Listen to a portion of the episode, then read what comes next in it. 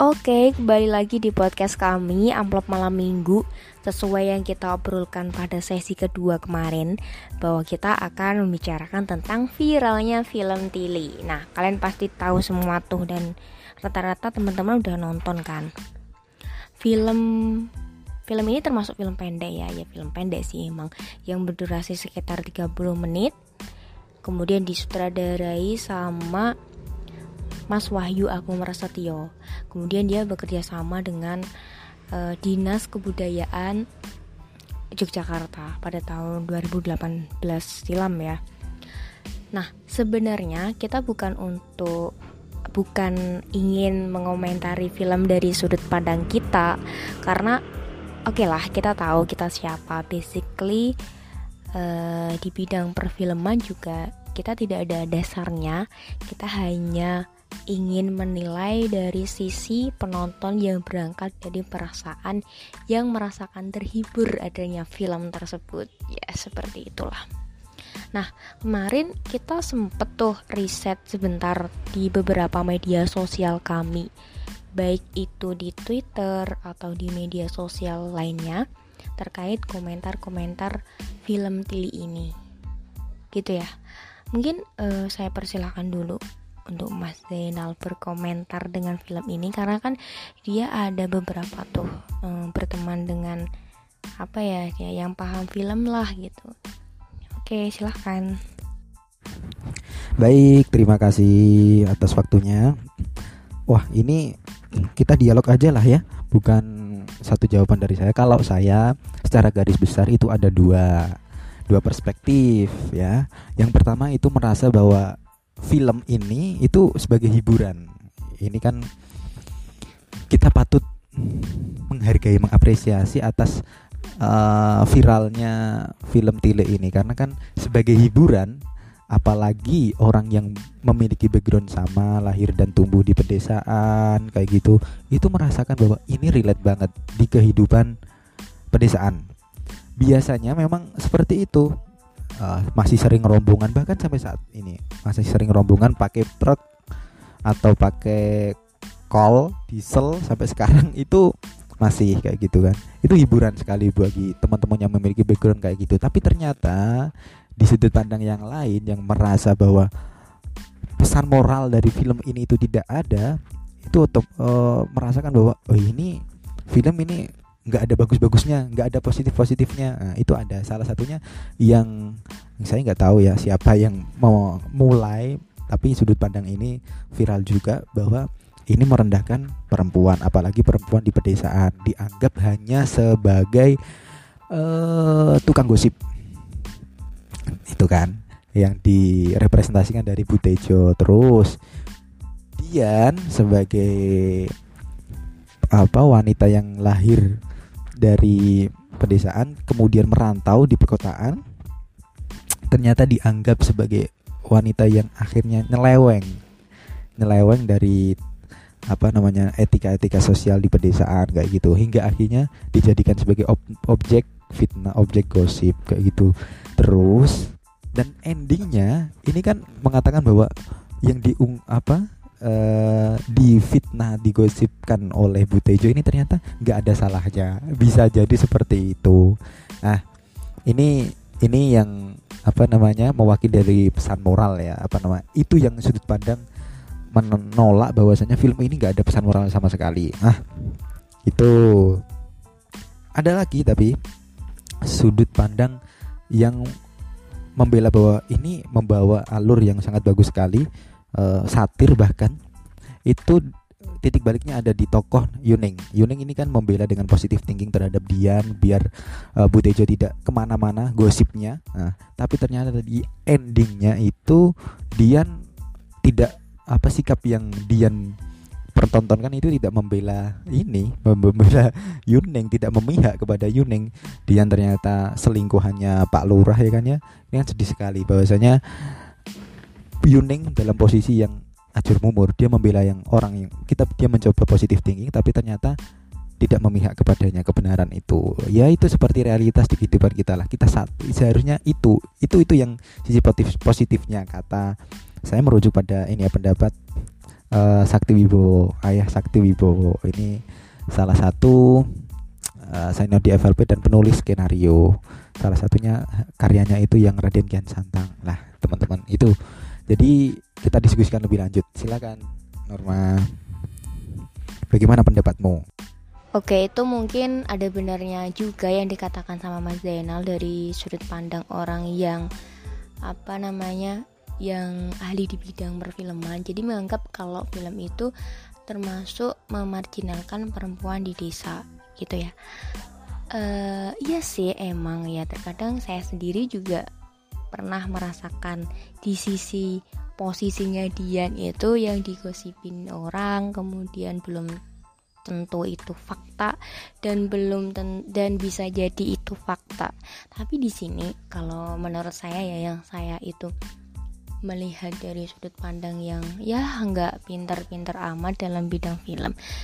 Kok kayaknya film ini itu yang ke branding bukan produk filmnya gitu. Maksudnya bukan uh, pesan moral yang akan ke branding gitu loh.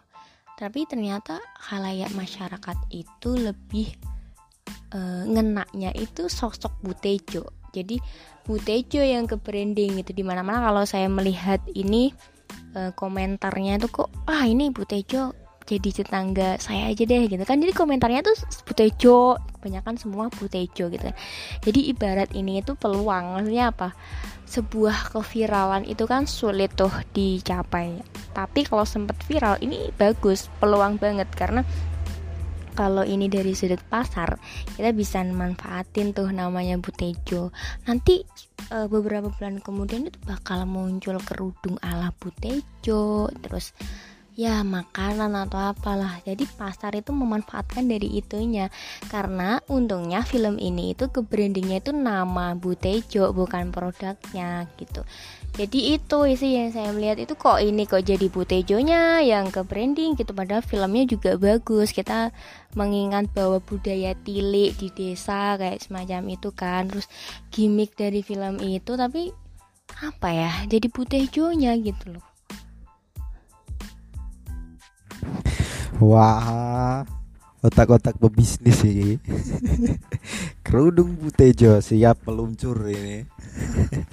Jadi ya seperti itu memang karena kan ya setiap apa namanya setiap karya atau setiap hmm, fenomena pasti kan ada yang dijadikan sebagai sosok ya sosok yang paling terdepan lah yang paling paling menonjol kayak gitu. Jadi mungkin yang yang terngiang di penonton ya itu Butejonya kalau masalah bahkan loh ya saya kira nggak semua penonton yang karena kan itu 30 menit. Saya kira tidak semua penonton itu melihat secara seluruhan dari video itu nggak sampai ke ending bahkan ya. Saya kira karena saya juga merasakan pertama-tama saya nggak nonton sampai akhir. Pertengahan karena mungkin ada apa terus akhirnya nggak nonton lagi terus loh kok ada pancingan lagi ternyata penasaran pengen baca apa nonton lagi sampai akhir. Yo kayak gitulah. Karena memang kalau nggak ada yang nggak ada yang menonjol sama sekali bahkan untuk membranding yang lain-lainnya itu juga susah gitu. Misalkan oh, oke okay, yang Butejo ini kan yang menonjol ya. Bisa jadi setelah kita lihat oh ini channel YouTube-nya Rafa Channel Films. Terus akhirnya kita nonton lagi yang lain film-film yang lain. Oh scroll scroll scroll. Kita akhirnya lihat juga nonton juga film yang lainnya. Karena mungkin harus sih harus sih. Pasti ada yang salah satu menonjol itu harus. Saya, saya kira ya.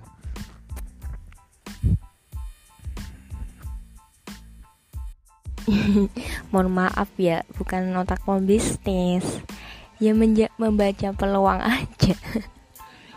Jadi itu kalau semisal kita bisa membaca pesan moral kan seharusnya yang bisa ke branding itu malah diannya gitu.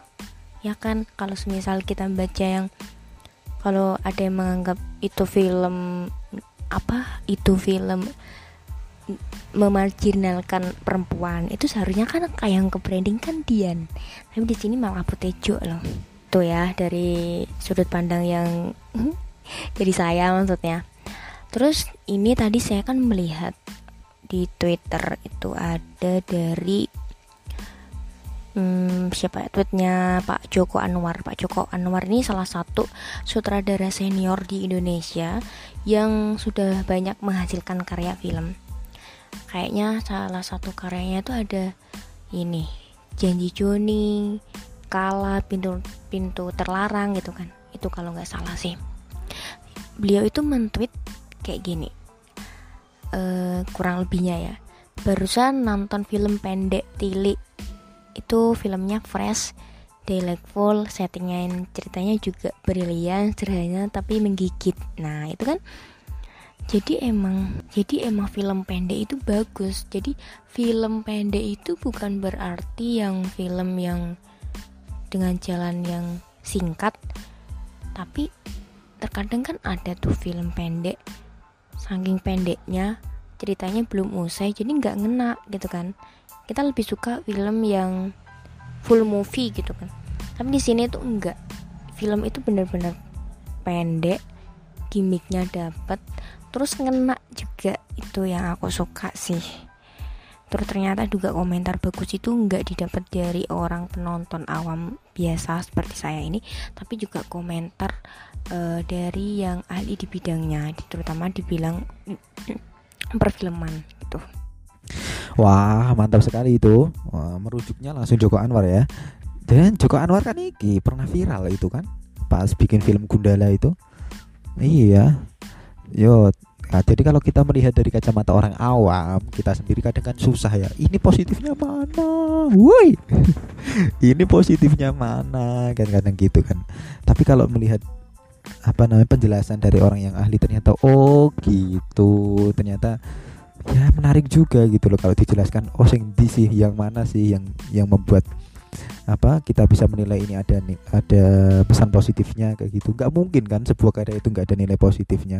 Bahkan yang abstrak pun itu pun kita bisa melihat bahwa oh pasti ada sesuatu yang kita ambil di baliknya. Nggak mungkin nggak bermoral nggak mendidik nggak ada pesannya. Wah itu kasar sekali hati anda gitu. Orang-orang yang nggak bisa membaca itu ya wes lah gitu menarik. Ayo perbincangan uh, dari sudut pandang lagi. Kayak eh, Norma ini yang searchingnya lebih serius ini. Perlu dikorek-korek ini. Oke mohon maaf ya pak. Bukannya gue lebih serius tapi kebetulan tadi Pak Joko itu lewat di Twitter. Ya kan lagi yang viral-viral gini pastinya kan ya juga terupdate tuh di twitteran. Kalau yang twitteran anda kan mohon maaf nih nggak twitteran. Mainnya Facebook oke. Jadi cerita ini kemarin waktu anda share ke saya film itu kan itu baru sekitar satu juta berapa gitu kan viewernya. Sekarang tuh kemarin sudah 6 juta lebih. Bayangkan dengan waktu yang gak ada seminggu tiga hari tiga hari ya kali ya. Itu udah seviral itu filmnya ya aku cuma mau ini aja lah ya berpesan buat teman-teman yang suka nyinyir di sosmed masalah karya. Orang berkarya aja dinyinyirin. Tahu apa? Kalau kalian tuh nggak punya karya. Ada yang viral itu dia ngasih bekal ke suaminya. Eh malah dinyinyirin. Itu kan bagus kan ya? Tapi orang zaman sekarang tuh aneh banget emang kayak ada yang aneh dikit dinyinyirin. Nah kayak karya gini kan bagus toh patut diapresiasi. Tapi pasti muncul uh, sebuah kontra ada pro ada kontra pastinya.